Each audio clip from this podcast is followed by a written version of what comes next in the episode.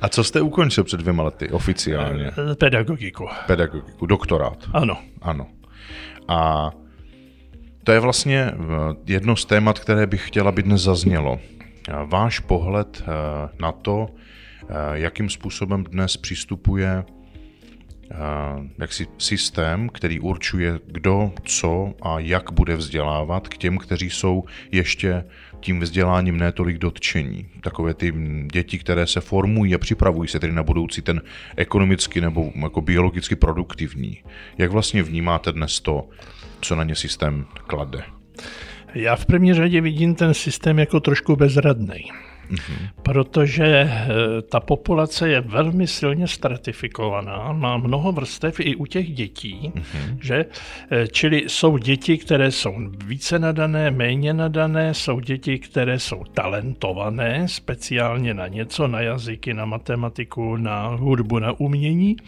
A toto je potřeba, aby prvně ten pedagog našel u toho dítěte to, co tam v skutku je, jako zárodek a dal tomu vzrůst. A ne, aby eh, to překryl eh, informacema, které jsou pro to dítě zbytečný. To je jedna věc. Ale to je velmi obtížné udělat, když mám ve třídě 27 dětí. Mm-hmm. Druhá věc je, že učitel v současnosti by měl dělat to, co dělal učitel v minulosti. Mm-hmm. Rozdíl dvou písmen. Formace a informace. Čili učitel by měl nejen informovat děti, ale měl by je také formovat.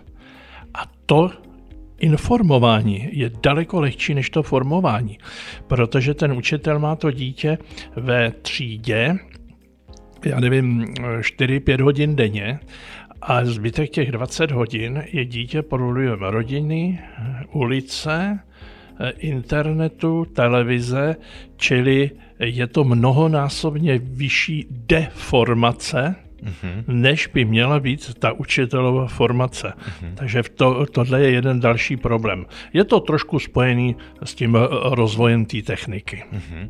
Vy jste uvedl, že vlastně v tom zbývajícím čase, řekněme těch 20 hodin, tak dochází k deformaci, tedy to, co učitel naformoval, tak se různým způsobem jako ten rozsol rozplývá, třeba někde víc, někde méně, podle toho, jaký je ten vliv toho působení. Když si ale řekneme, že třeba k tomu, co učitel zdravě a správně a řádně působí na to dítě, ať už informativním nebo tím formujícím způsobem, a je tam ještě do toho ten zdravý element fungující rodiny, lásky plného, tak potom to je možná ten stav, který nám dnes chybí. Eh, ano, eh, je to to, co bylo trošku kliše za starého režimu ehm, spolupráce rodiny a školy. Jo, ale tam se to myslelo v takovým tom i ideově politickém eh, pohledu, kdežto v současnosti to musí být vyloženě lidský. Víte, my se trošku vzdalujeme od přirozenosti. Já neužívám slovo normalita to jako není obsah mého slovníku, slovo mm-hmm. normalita, protože normu je možné posouvat.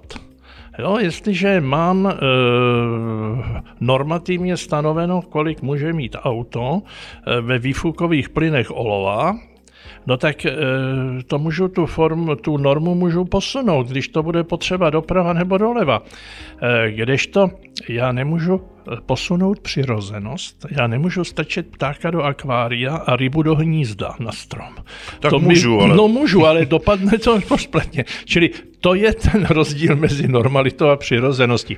Takže já bych dneska doporučoval, eh, aby se hledalo v té lidské přirozenosti, v tom, co je typicky lidské a co je, co je odzkoušené, že jo, starýma generacema jako dobré. Mm-hmm. A když se teď bavíme vlastně, jak vy říkáte o těch eh, generacích, co bylo vyzkoušeno a je dobré, co je podle vás tedy to dobré, takové to principiální, které je vlastně klasické, to znamená bez vlivu zubu času může a má se vyskytovat napříč tím během toho vývoje společnosti. Co jsou ty principy?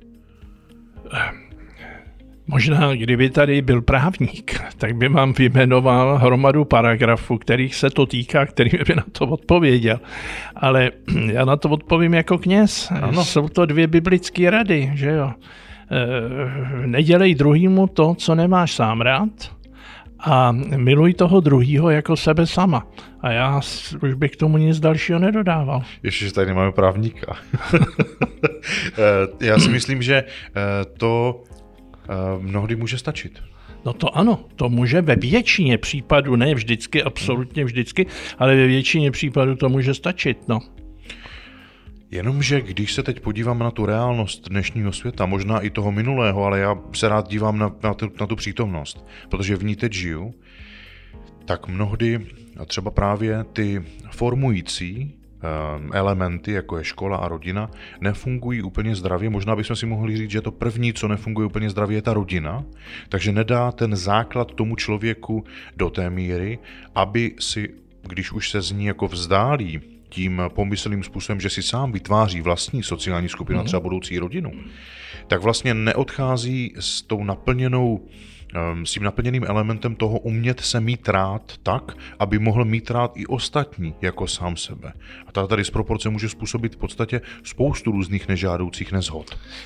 Eh, ano, eh, známe vlastně eh, tři vztahy. Jo? Vztah já a ty, vztah já a já a vztah já a zbytek. To znamená vztah ke kultuře, k jazyku, k národu, k jeho historii a tak dále.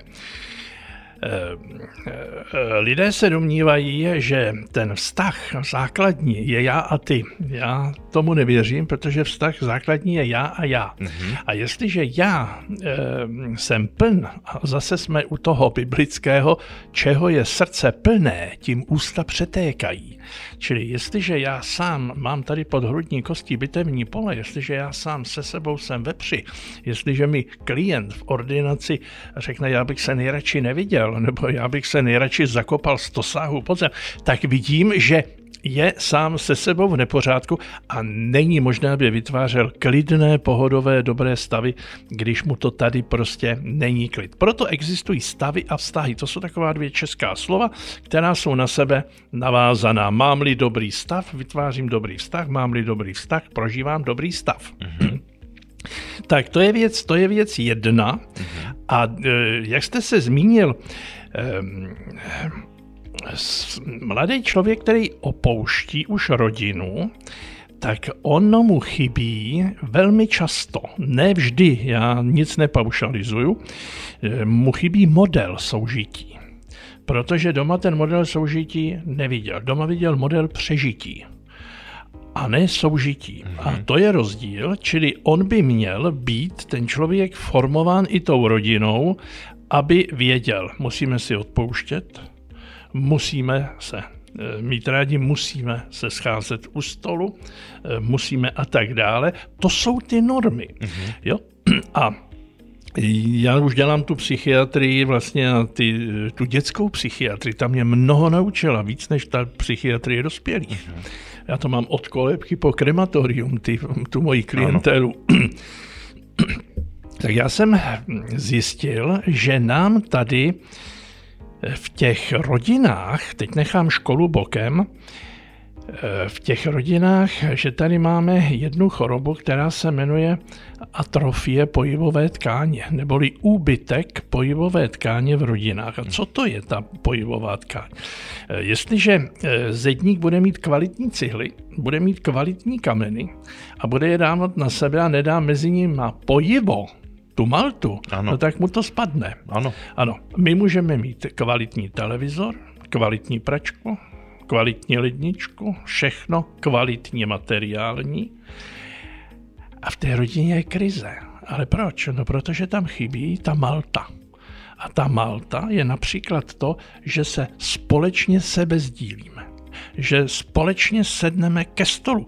Já když mám snoubence na přípravu před svatbou, tož se v církvi dělá, že ano. před svatbou je nějaký ten pohovor s knězem, tak jim vždycky pokládám otázku, která součást nábytku je nejdůležitější. A oni vždycky říkají postel. Já říkám nikoliv, stůl protože stůl sjednocuje. Ano, ale ne dneska. Eh, jeden snídá eh, nějaký zákusek eh, v tramvaji a jeden tam, druhý tam, třetí tam. Na oběd chodí každý úplně jinam. Večeři taky nestihnou všichni na jednu, protože každý má někdo něco, ten má koníčka, ten má plavání, ten má práci, ten má učení. A ta neděle, která by měla být svátečním dnem, tak ta se taky nedodržuje. Jo? Čili ty lidi se nesebezdílejí. Jo? A hezky, hezky to řekl uh, jeden uh, byl německý filozof Heidegger že moderní doba překonala všechny vzdálenosti, ale nevytvořila žádnou blízkost. A to si myslím, že je dost výstraha, že by to mělo být napsáno nad každýma dveřma každý rodiny. Jo? Protože tatínek sedí u televize, ví, co se děje na druhém kontinentu, co se děje na druhém konci planety Země v Tararingapatanu, že tam je nějaký povstání nebo nějaká choroba, ale on neví, co se děje za zdí v dětském pokoji se, s jeho dítětem, co se děje v duši toho dítěte, že? Čili eh, nechme zase ty vzdálenosti a pojďme domů. Mm-hmm. To se řekl moc hezky. Eh, já to ještě přirovnávám zase k jedné biblické stavbě, to je babylonská věž. Babyloniany měli výbornou techniku na tu dobu, když tu věž stavěli v Babylonu. Eh, až obdivuhodnou, tak jako zajímavou techniku měli eh, v Egyptě, když stavěli pyramidy, že jo? Dneska se nad tím pořád láme hlavou, jak když to tyhle ty stavěli tu, tu věž a holedbali se tím, jakou mají techniku. No a když už byli hodně vysoko, tak si přestali rozumět. Každý mluvil jiným jazykem. A my jsme došli do stejné eh, babylonské situace i u nás ve společnosti, a je to, myslím, celoevropská záležitost, že máme sice vyspělou techniku, že to dotáhneme až já nevím, ale, tam si, ale přestáváme si rozumět. I když mluvíme stejným jazykem, mm-hmm. tak si stejně nerozumíme. Mm-hmm. Jo? Takže to je, to je babylonská situace. Eh, a jaký je lék? Co, co by vlastně vy v kombinaci kněz, psychiatr, pedagog, eh, člověk s životní moudrostí vnímáte jako lék? Přestat stavět všechny babylonské věže a začít místo nich stavět malé rodinné domečky. Takže uh, více se setkávat no. u těch stolů, no více sdílet. Ano. A teď ale otázka, když společnost eh, žije v tom babylonském světě, získala si eh, vámi, jak říkáte, nepoužívané slovo, normální stav je, že to probíhá tak, jak jste popsal, byť to není žádoucí, tak jak vlastně přestat opustit tento návyk a uchýlit se k experimentování, vytvořit si vlastně pro některé lidi ani neznámé prostředí sedět v neděli spolu u stolu a bavit se nenásilně, autenticky o tom, jaký byl týden, jak se cítíme, co nám dal, co bychom chtěli, aby nám dal ten další. Pro některé lidi to může být natolik španělská vesnice, natolik vy, vy, vystoupení z komfortní zóny, že si to ani nedokážou přes obavu představit, na tož udělat. Ano, ono jim to dokonce dělá problém. Ano. Protože oni si nepřinesli ten model ze své vlastní rodiny, ano. kde se tak dělo a najednou my bychom si měli, jak mi řekla jedna, eh, jedna klientka, bylo to mladý děvče, tak mi říkala, víte, eh, my když se spolu začneme bavit, tak my se vždycky pohádáme. A, eh, a o tom to je, tam není sebezdílení, tam jsou někdy konfrontace. Ano. A to, to je chyba, no ale tohle, já se domnívám, že není kanál špíny, který by nám mohl zašpinit naše rodiny a manželství, že ten vliv toho okolí, jak té televize, internetu a tak dál, nemusí být tak silný, že by nám do tohohle toho zasah a začal nás silně ovlivňovat. Trošku nás ovlivňuje, chtě nechtě.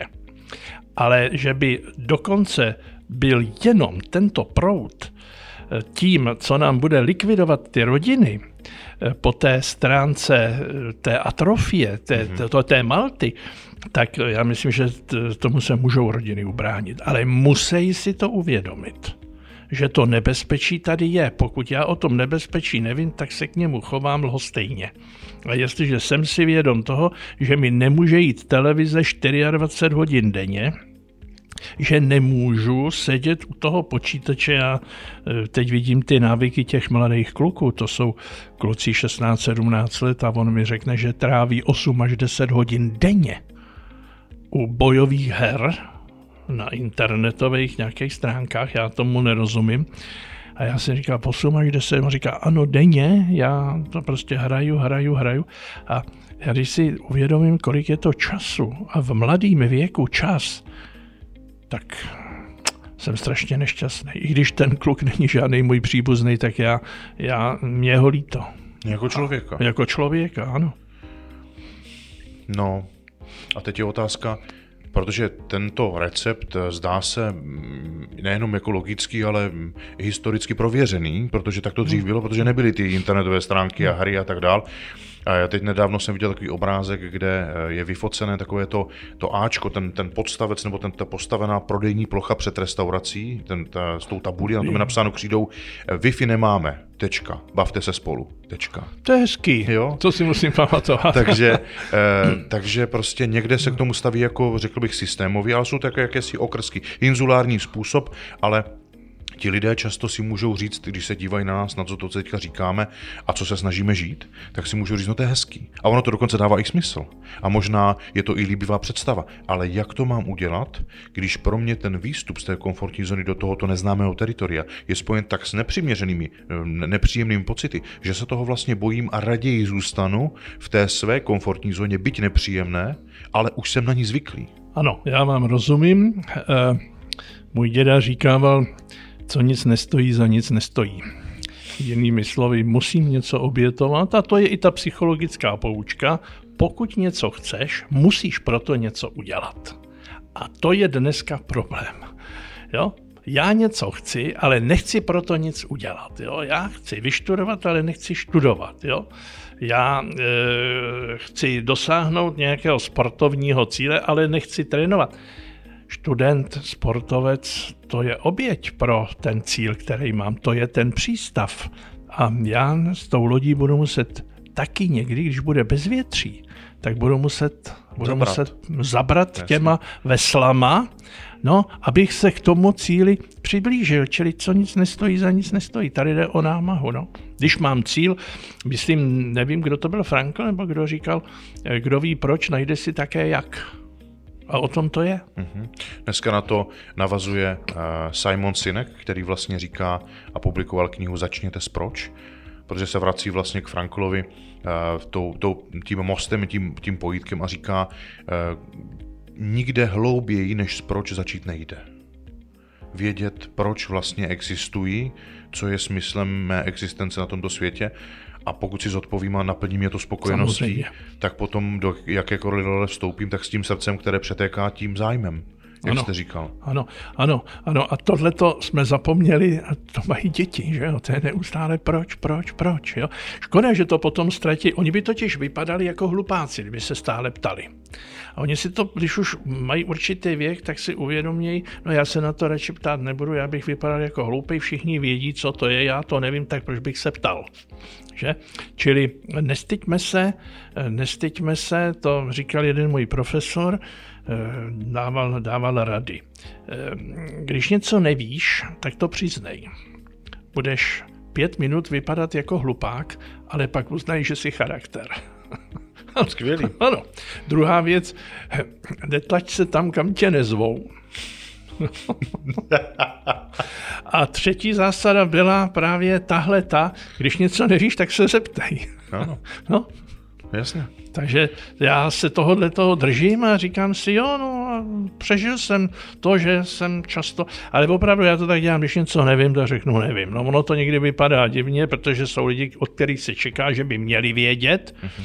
ale víte, zvlášť v medicíně, že? a z čeho má, z čeho má ten nádor? No, kdo to ví? Z onkologu. Že? Jo. A z čeho, má, z čeho má tu schizofrenii, že jo, ptají se mě lidi. No, já vím to. Svět je poznatelný, ale není poznaný. To je, eh, řekl bych, eh, velmi klíčové, to, co říkáte. A jsou to takové ty základní principy nejenom pro existenci v tomto světě, ale pro vybudování si vztahu na té první úrovni, ten vztahu sám se sebou.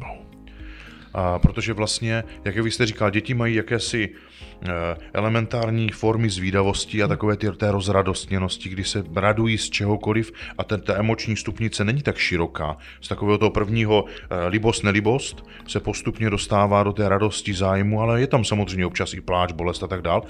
Ale když ten systém na ně nebude tlačit a formovat je do nějakého eh, žádoucího stavu, který říká hlavně nevyčnívej, nebo uh, dělej, že umíš, aby neposnali, že neumíš a já nevím co dalšího, tak on si klidně může zachovat tu zvídavost do pozdějšího věku. Protože pokud si ji nezachová, tak už má potom jedinou možnost, zase se k ní vrátit.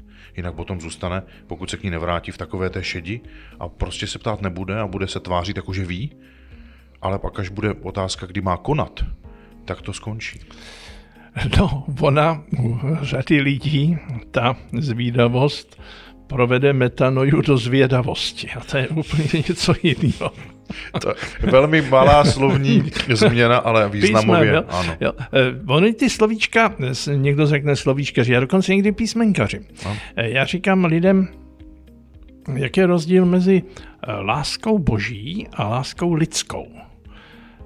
U a A. Bůh nás má rád už, lidi nás budou mít rádi až. A tomu se říká podmíněná láska, že jo? Láska za určitých, až uděláš to, to, to, to. Prosím vás, toto je jeden velký mor. To a to je, je ta druhá nemoc, která je v té rodině, čili atrofie pohybové tkáně, podmíněná láska. A co v rodinách ovlivňuje děti, je relativizace hodnot. Jo, protože to, co bylo v minulosti pevné, co bylo jasně stanovené, co bylo až dneska to směšné tabu, jo, jako prostě toto se nesmí, jo, tak eh, to se dneska zrelativizovalo. Jo. Já to vždycky mám na přednášce, mám zednickou olovnici a říkám, víte, tady, když zedník staví, tak eh, dá tu olovnici k té zdi a využívá přírodního zákona, aby postavil rovnou stavbu. A co je rovný, to je pevný. Rovný charakter je pevný charakter.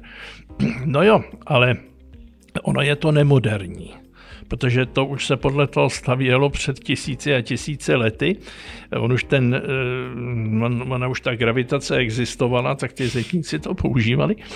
Ale dneska ten moderní zedník si řekne, co já budu tady, já mám právo, hm, si tu olovnici rozkejvat. No, samozřejmě nepostaví nic. A tohle to já vidím u řady manželů, kterými přijdou do ordinace, mm-hmm. že oni si ty vztahy stavějí podle kivadla a ne podle olovnice. Některý dokonce podle vrtule, když to mám to roztočit, tu, mm-hmm. tu olovnici. Čili tam je ten zmatek, tam je ten chaos.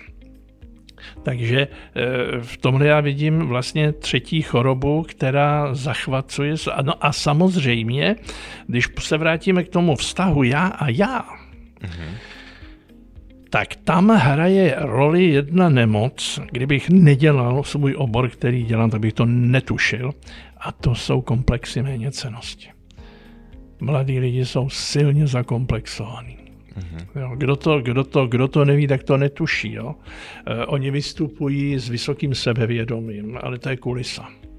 Jo. Zatím je prostě buď to vyhoření, které ještě nezahořelo, anebo zahoření, které už vyhořelo a e, těch komplexů je moc. A kdo vytváří komplexy? Ptá se mě posluchač. Já jsem říkal, no tak to není virového ani bakteriálního původu, takže to nechytíte v městské dopravě. To vám buď vytvoří rodina, škola nebo životní partner. No. A protože mu to dovolíme. No proto, ano, protože mu to dovolíme. Jako u toho dítěte, tam tak. to dítě se bránit nemůže. Jasně. Jo? Pokud ho mu dají roli, protože ta rodina, to je jedno, to je jedno divadlo, teď ten režisér tam něco nás narežíruje do určité role, ale tohle to už je potom, to už je potom, uh, jsem dělal, jsem dělal Eh, soudně znalecký posudek na afinitu, asi to dítě po rozvodu bude otci nebo matce. To byl, to byl velký problém, vždycky si vzpomenu na biblického šalamouda, jo, který říká, aby to dítě rozsekat, dal každému půlku a ta pravá matka řekla nerozsekat. Jo, ta, a takže jsem si pozval tu matku s těma dvěma holčičkama, pět a sedm let, a e, ta matka mě říká před nima, e, víte, pane doktore, já těm mým dcerám vždycky říkám, že to nejhorší, co je mohlo v životě potkat, je to, že se narodili jako ženy. To je strašný, to, to je stigmatizace těch, že ano, já jsem jenom ženská, pak si veme nějakého chlapa. Jo. A ta matka to říkala ze životní zkušenosti. No, Otec Krobián, bratr Krobián, manžel Krobián, Takže, Probíhán jako, že byl hrubý. Ano, Jasně. hrubý, že jo, alkoholik, despota, to byl otec, její bratr, teď ještě mi na šťastnou ruku, eh, vzal si muže stejné krevní skupiny nebo stejné chovné stanice a eh, eh, ona už těm holkám jako v tomhle věku říká tuhle tu strašnou věc. To, to, to, já vždycky říkám, že Bůh nestvořil nic krásnějšího, než je žena. A on a ona vlastně říká, to je váš, to je váš handicap. Ano.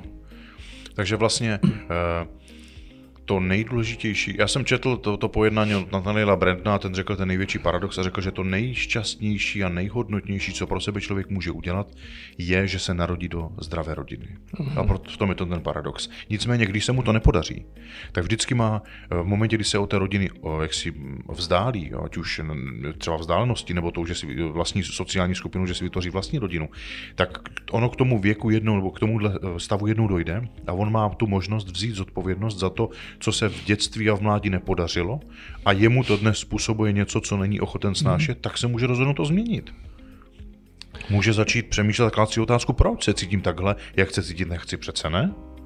No ano, ano, ale eh, pokud to cítí a pokud s tím nejde, eh, nejde eh, tam, kde mu nepomůžou. To je dneska takový tyhle ty lákavé nabídky, že jo, vyřešíme vaše problémy, že jo, dneska nešťastný, zítra šťastný, že jo, teď na vás tady bude působit nějaká astrální energie a teď si dáte tenhle kamen pod polštář a, a ona z něj vyzařuje energie, tohleto, jo, tyhle ty, tyhle ty šamani, ty teď přebírají role eh, skutečně lékařů a psychologů a protože jít k psychiatrovi nebo k psychologovi, jít na nějakou psychoterapii, jít na nějaké KBT a tohleto, tak to ty lidi eh, už jsou stigmatizovaní, no tak oni jdou nejradši k nějakému léčiteli. Já jsem pár těchto těch obětí měl, těchto těch šamanů, který vlastně přetransformovávají pomocí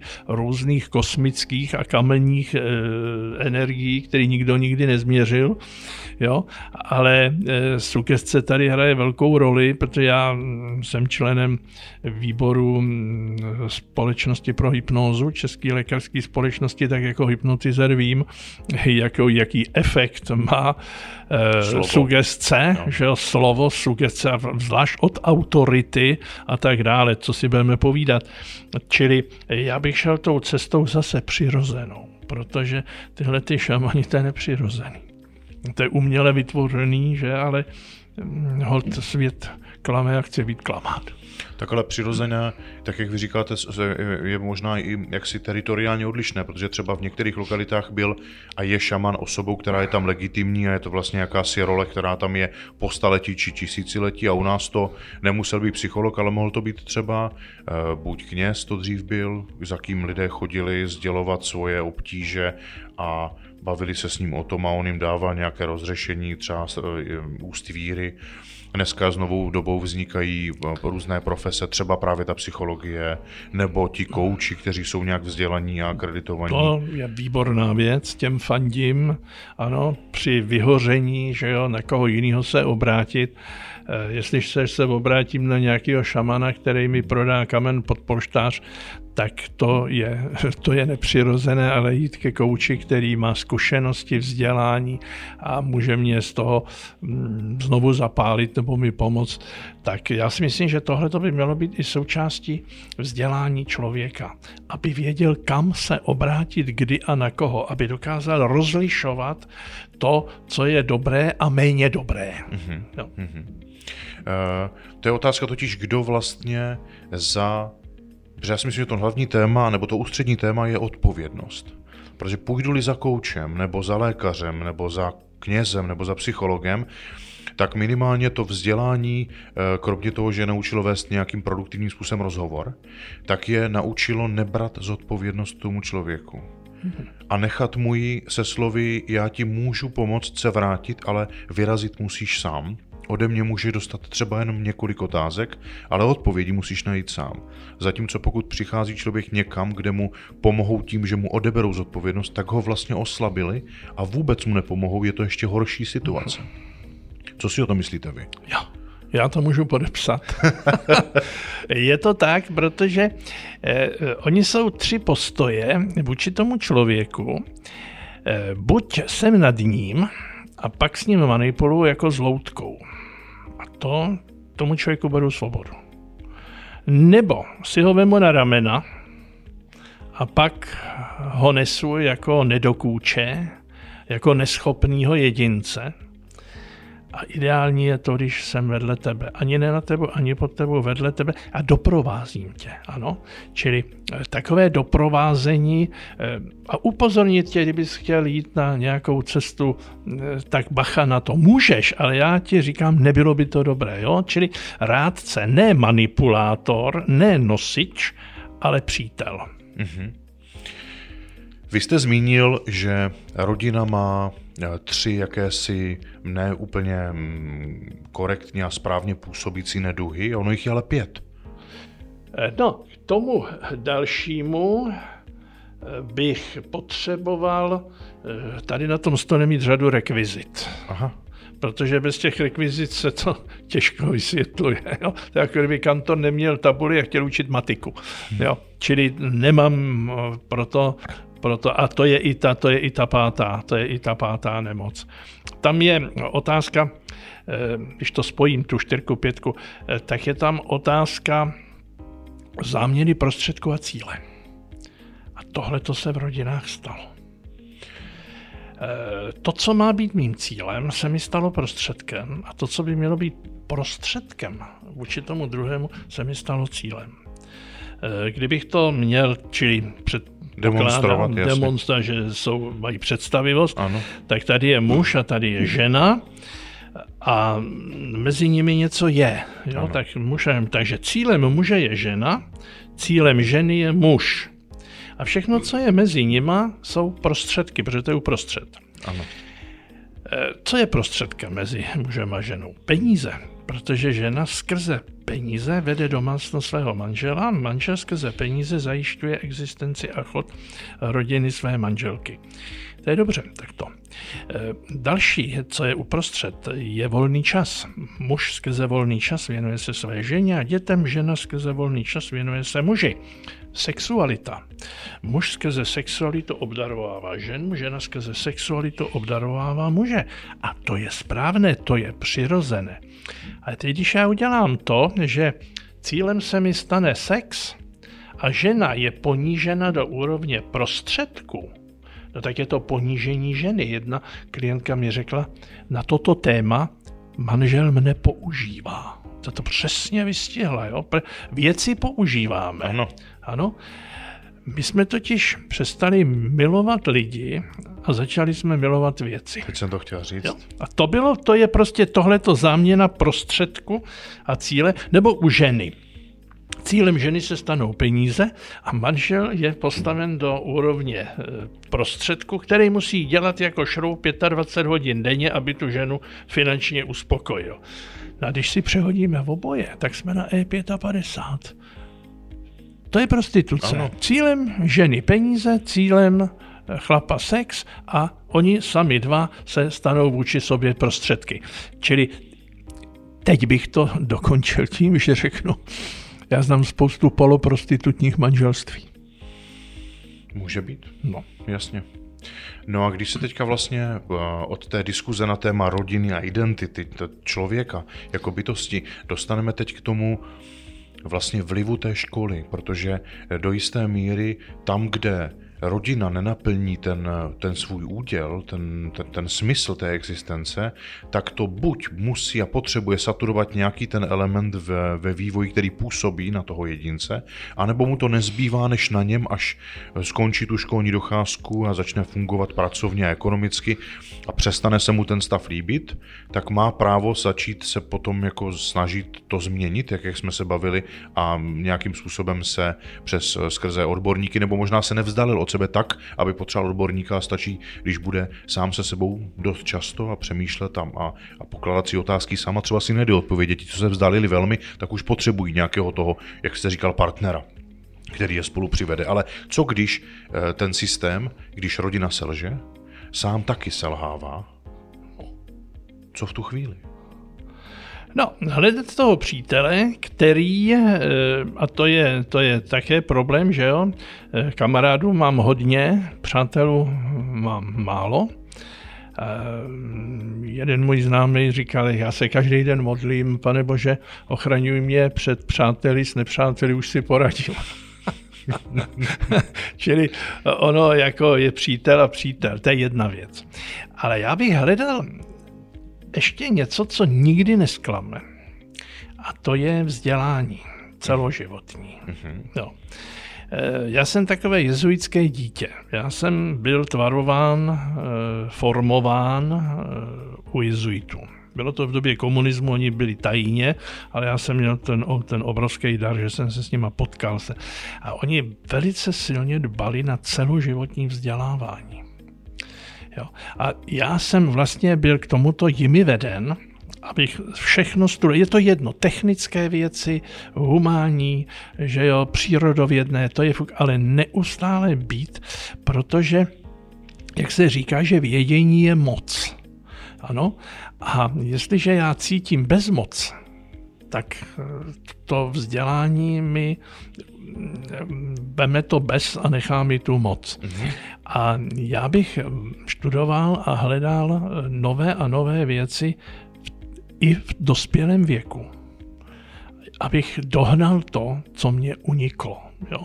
Čili v tomto já bych viděl smysl vzdělávání dospělých lidí, protože doženu něco, co jsem ztratil nebo co jsem nedohnal, získám něco, co bych jinak nezískal a stanu se vnitřně bohatší. Ano, my e, jsme se dostali do situace, kdy žijeme velice bohatě na venek, ale velice chudě uvnitř. A vzdělání je schopno ne to otočit, aby jsme měli jenom chleba a vodu, že jo, a náš vnitřek, aby jásal vzdělanosti, ale vyrovnaný, aby to bylo. Ano, aby jsme byli bohatí jak navenek, aby jsme byli taky bohatí dovnitř. A to je otázka celoživotního jezuitského vzdělávání. Mm-hmm. To jste řekl moc hezky. Víte, já mám takový dojem, že vlastně s tím vzděláním přichází eh, jakési nezbytné, přirozené uvědomění, že vlastně nevím všechno.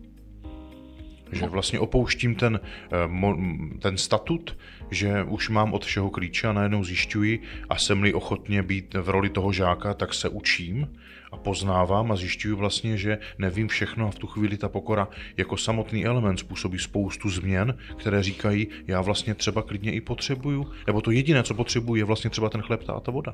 A všechno ostatní je jenom otázka mého chtění a nadbytku a, a, a je to vlastně zbytečné když ano. to přeneseme. Ano, toto potřebuji a na toto mám chuť. Ale víte, eh, představte si, že nafoukneme balonek dětský a položíme ho na tento stůl. Eh, on eh, neleží na bodu, ale on leží na určité plošce. Že jo?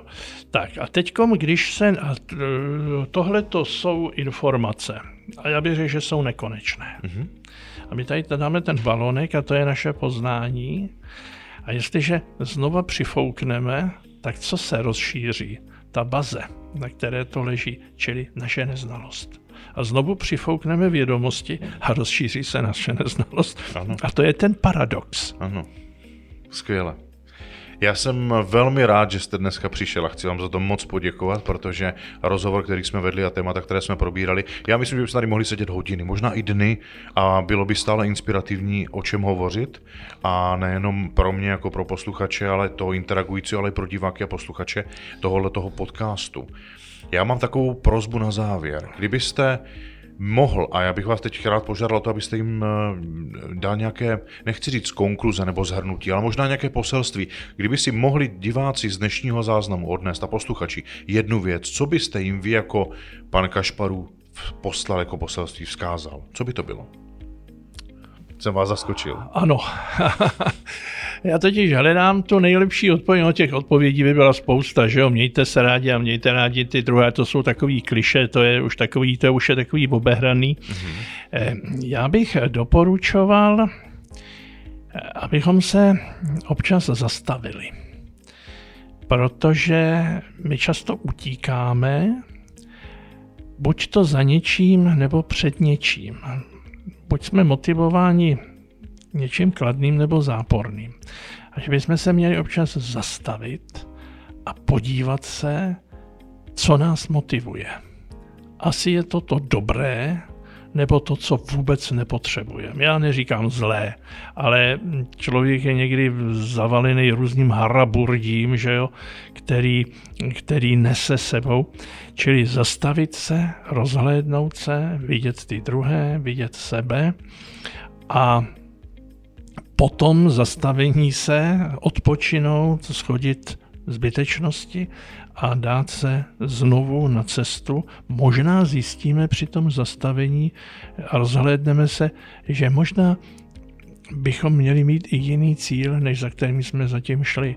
Ale tohle nikdy nedosáhneme, když budeme stále v běhu. Ano, nemůžu opravit auto, pokud mi běží motor. Ten motor neopět musím ho zastavit. Mm-hmm. A teprve, když ho zastavím, hledám na něm chyby, proč mi tam něco cvaká nebo bouchá, ale ten motor musí být zastaven. Čili zastavme se, rozhlédněme se a vydejme se. Mm-hmm. To by byly takový tři, tři rady. Děkuji moc za to poselství. Já s dovolením přidám svůj pohled.